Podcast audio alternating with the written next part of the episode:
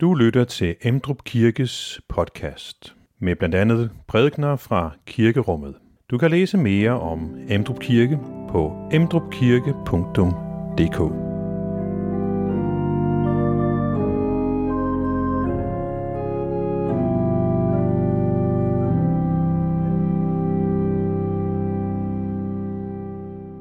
I dag har jeg lavet mig inspirere af to mænd. Den ene mand kender vi fornavnet på. Den anden kender vi primært efternavnet på. Den første, hans fornavn var Jesus. Den anden, hans efternavn var Møller. Og det kan I måske spore, hvis I kigger på overskriften i dag.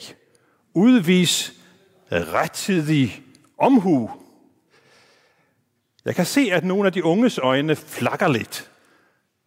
Der er andre, der hurtigt har regnet min gåde ud, hvem Møller var, der har sagt det.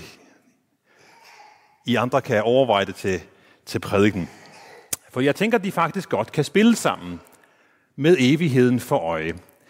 For i dag skal vi nemlig høre om 10 kvinder, som er på vej til det samme sted. De har samme mål, men øh, halvdelen af den ender med at nå målet hele vejen, og halvdelen gør ikke, fordi de ikke viste rettidig omhu. Så hvis I ikke kan huske andet, når I går hjem i dag, så husk de to ord. Rettidig omhu.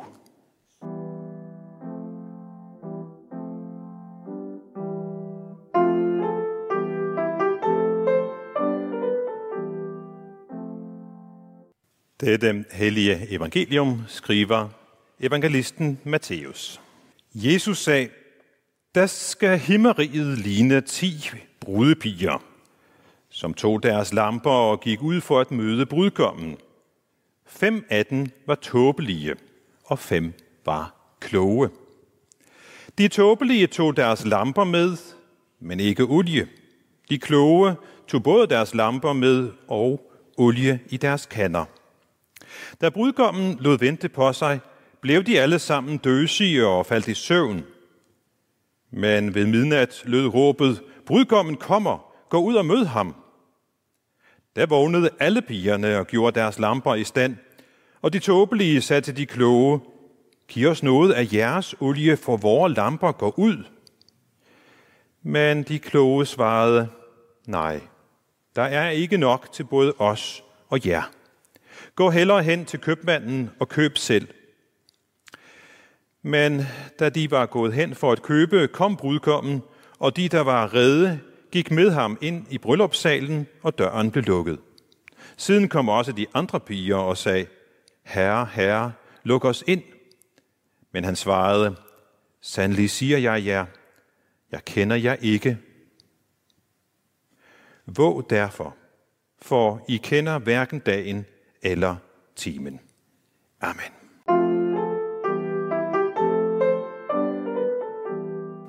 Her kan I se et øh, billede af mig, som er 30 år gammelt. Dengang var jeg ansat i Sømandskirken i Rotterdam, og øh, jeg står foran et af de utallige mærskskibe, som jeg besøgte i de år, jeg var i Sømandskirken. Og øh, nu afslører jeg selvfølgelig, hvad min overskrift handler om. Det er selvfølgelig Mærsk. Formuleringen af Møllers formulering, rettidig omhu. Da jeg i går aftes spurgte ud hos min bror, hvad forbinder I med Mærsk og AP Møller, hvilken sætning, så svarede de straks, rettidig omhu. AP Møller definerer begrebet lidt nærmere. Han siger, Intet tab skal os ramme, som ved rettidig omhu kunne afværges. Jeg gentager. Intet tab skal os ramme, som ved rettidig omhu kunne afværges. Lad os prøve at overføre A.P. Møllers gamle formulering over på slutningen af Jesu lidelse. Så lyder den, brudkommen kom. Og de fem brudepiger, der havde udvist rettidig omhu, gik med ham ind i bryllupssalen, og døren blev lukket. Senere kom de fem, som ikke havde udvist rettidig omhu, og de blev ramt af det store tab, som de kunne have afværget ved rettidig omhu. Og det tab var af evighedsdimensioner.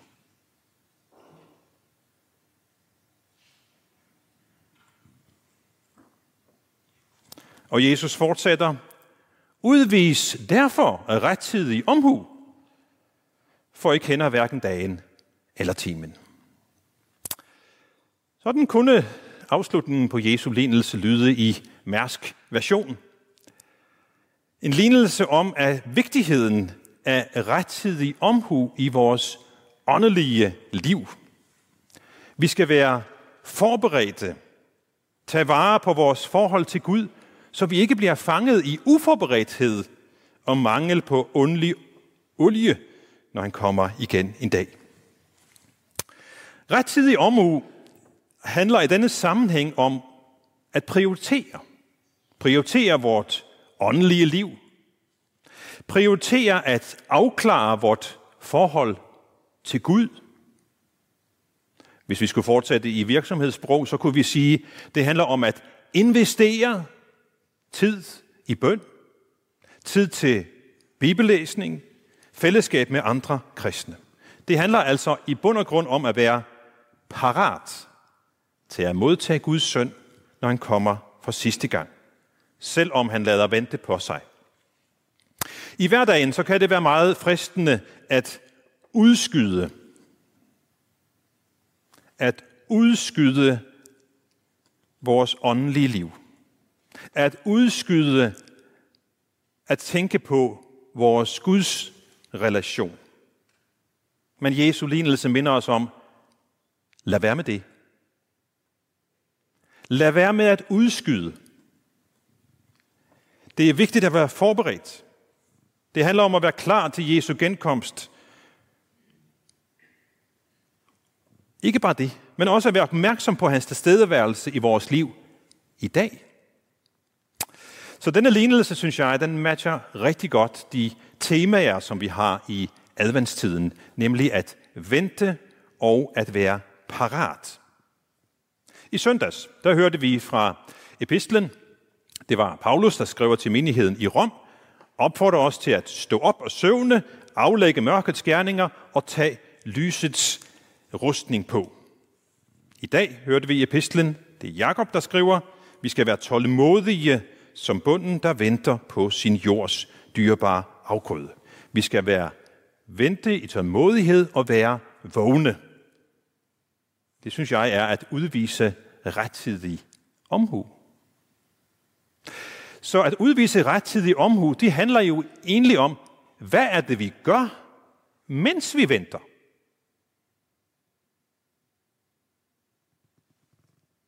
Venter vi bare? Og måske keder os? Eller fylder vi vores tid med forventning, så det bliver en forventningstid og ikke bare en ventetid? I øh, trosbekendelsen, den vi normalt øh, siger, den hedder den apostolske trosbekendelsen, den sagde vi i dag.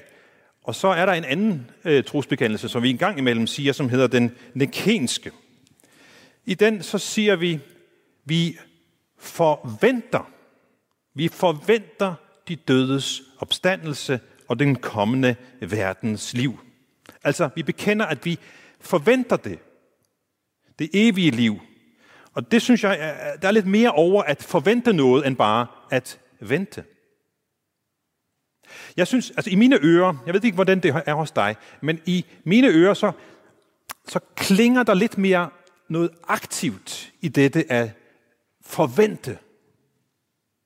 Og noget mere passivt i det bare at vente. Forventning har sådan en form for indbygget retning i sig, synes jeg. Det er en slags rettidig omhu, som venten ikke har. Så jeg tror, at Jesus med til lignelse vil have os til at forandre den her passive venten til en mere aktiv forventning. Parathed.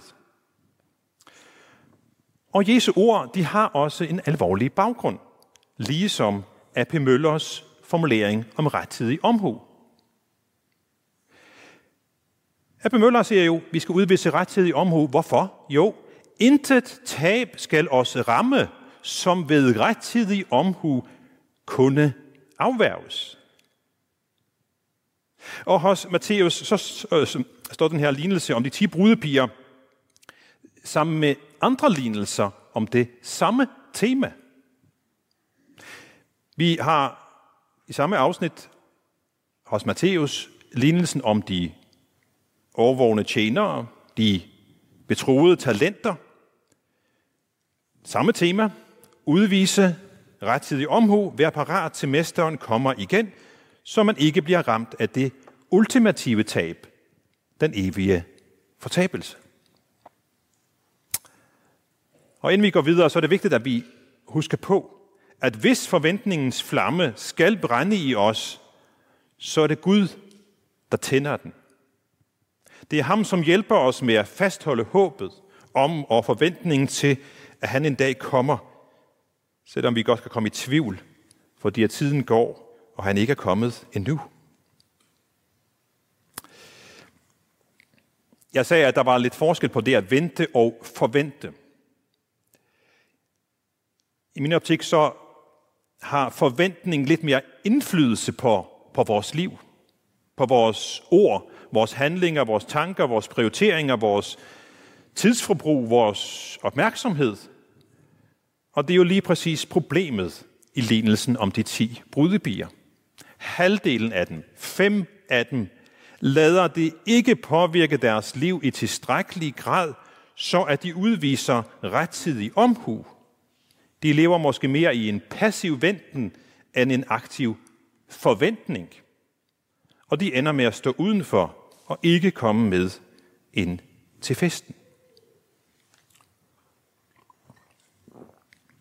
Og det minder mig om en af de andre værdier hos Mærsk.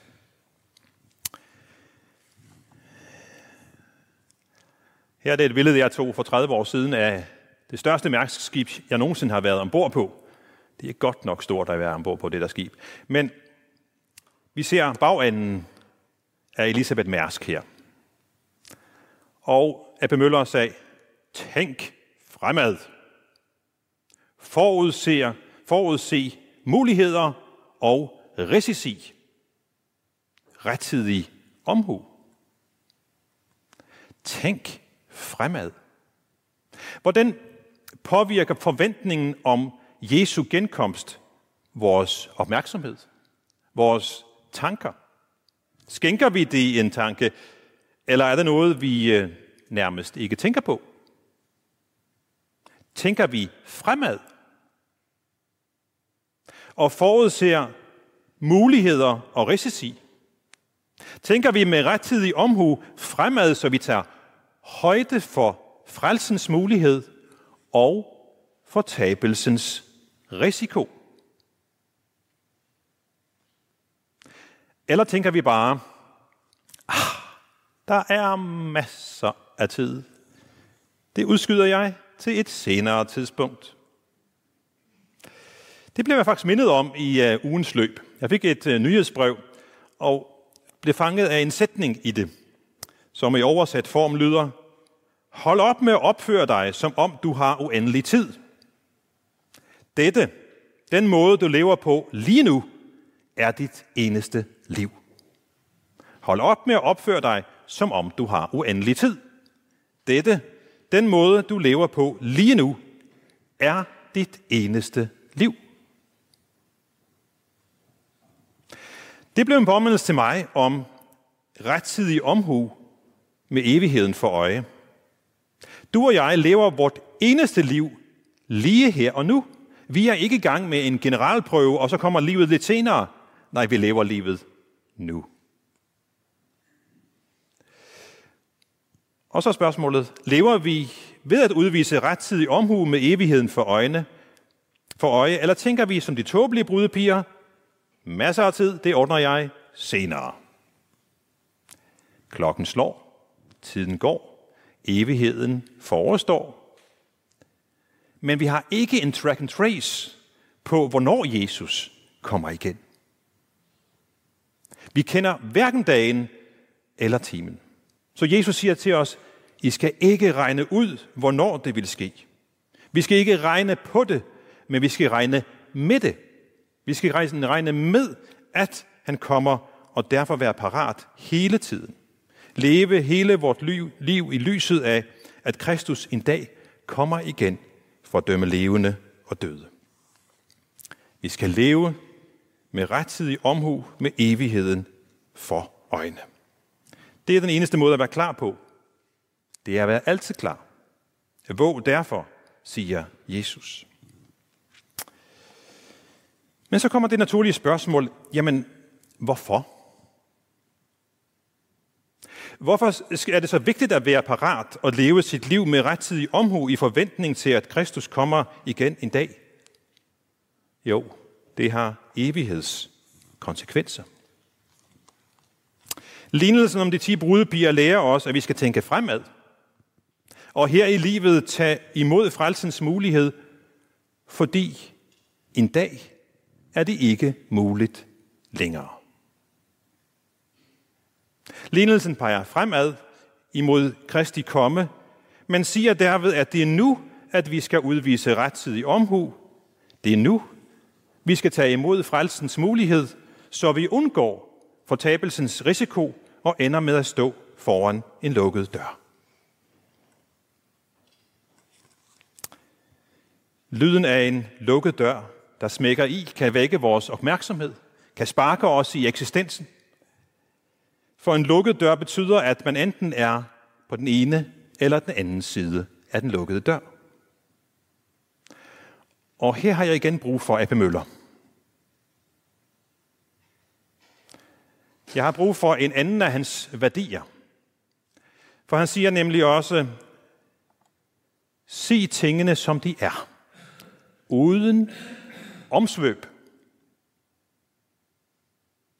Jesus siger tingene som de er, uden omsvøb. Med lignelsen om de ti brudepiger, så siger han, at efter han er kommet igen for sidste gang, så er der et indenfor og et udenfor. Og denne alvor står helt centralt i denne lignelse og i de efterfølgende lignelser, den om de betroede talenter, der fortæller Jesus det i form af, at øh, en af tjenerne kastes ud, det samme står helt centralt i slutningen af samme kapitel hos Matthæus, hvor vi hører om verdensdommen, hvor der skilles imellem forår, for og, og bukke. Så det er afgørende for Jesus at, Jesus, at han siger tingene, som de er, uden omsvøb. Men jeg indrømmer gerne, at netop disse ting i Bibelen er vanskelige at lægge ryst til og derfor har jeg i dag brug for at bemølle os påmindelse, sig tingene som de er, uden omsvøb. Og vi har faktisk alle sammen sagt tingene, som de er, uden omsvøb for et øjeblik siden, da vi stod op og i trosbekendelsen sag, eller sang, at vi tror på Jesus Kristus, at han en dag skal komme for at dømme levende og døde. Årsagen til, at Jesus igen og igen siger tingene, som de er, er, at den dag ikke skal komme bag på os. Det er hans mål. Lignelsen om de ti brudepiger er en del af den undervisning, der sammen med alt andet, som Jesus sagde og gjorde, skal tjene det et godt formål, nemlig at fortælle os, at han kom til verden for at frelse. Jesu budskab og al hans forkyndelse har som mål at få os til at tænke fremad. og han vil give os mulighed for at finde vejen til frelsen og derved afværge fortabelsens risiko. Alvoren lyser ud af velsignelsen, men, af den her lignelse, men håbet lyser også i den grad ud af denne lignelse. Vi hører, at fortabelsen er en mulighed, men i første omgang er pigerne jo på vej til fest. Og det peger på Guds frelsesvilje med os mennesker. Hans største ønske er, at vi tager imod frelsens mulighed. Så denne lignelse og alt andet i Guds ord er talt til os af hans kærlighed, så vi kan udvise rettidig omhu. Og den bedste måde at lade at udvise rettidig omhu er at lade Kristus og hans ord være centralt i vort liv. Det er den bedste værn imod at blive sløve og falde i søvn. Og derfor kan det ikke understreges nok, at en del af det at vise rettidig omhu er at bruge tid med Gud. Vi kan læse Guds ord selv. Vi kan måske bruge en bibellæseplan. Vi kan gøre det sammen med andre i en smågruppe. Vi kan komme i kirken og høre Guds ord læst op og udlagt. Det tager kun sådan cirka en times tid her søndag morgen. Og til gengæld så får vi rigeligt at tænke over. Vi kan hver især reflektere over, hvilke løfter, vejledninger og advarsler, der er i de enkelte tekster. Så at udvise rettidig omhu er også at tale med Kristus om det i bøn. Så bare fortæl ham med dine egne ord, hvordan du har det. Og måske slutte af med fader hvor. Det er alt en gode måder at holde sig vågen på, til Kristus kommer igen. At udvise rettidig omhu med evigheden for øje, er på en måde at leve som om, at i dag var den sidste dag. At Jesus kommer i dag. Og det skal vi faktisk synge om om lidt. Fordi Lina Sandel har nemlig skrevet en sang om lige præcis det. Og de to første vers, de lyder, om han kom nu i dag, din Herre og Gud, ville da fra hans åsyn du fly.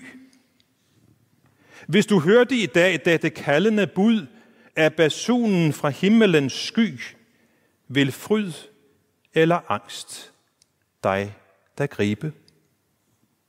Må dog alt, hvad der nu er vigtigt og stort, også da ville fylde din tid. Må dog alt, hvad i dag bliver talt eller gjort, ville optage hverdagens strid. Besind dig dog, inden du svarer. Lina Sandel siger tingene, som de er at vi skal leve med rettidig omhu, tænke fremad og gribe frelsens mulighed for at afværge fortabelsens risiko. Den sandhed, den virkelighed må ikke forstumme. Det gælder vor evige skæbne. Og derfor gælder det om at leve i fællesskab med Kristus hver dag. Og det vil adventstiden minde os om, at han kom. Vi besinder os, os på, at han kom, og at vi skal møde ham igen i genkomsten i fremtiden. Og Jesus ønsker at forberede os på det, så vi ikke skal leve i angst, men kan glæde os til den dag. Og derfor kan jeg slutte af med at sige, glædelig advent. Find flere podcast og læs mere på emdrupkirke.dk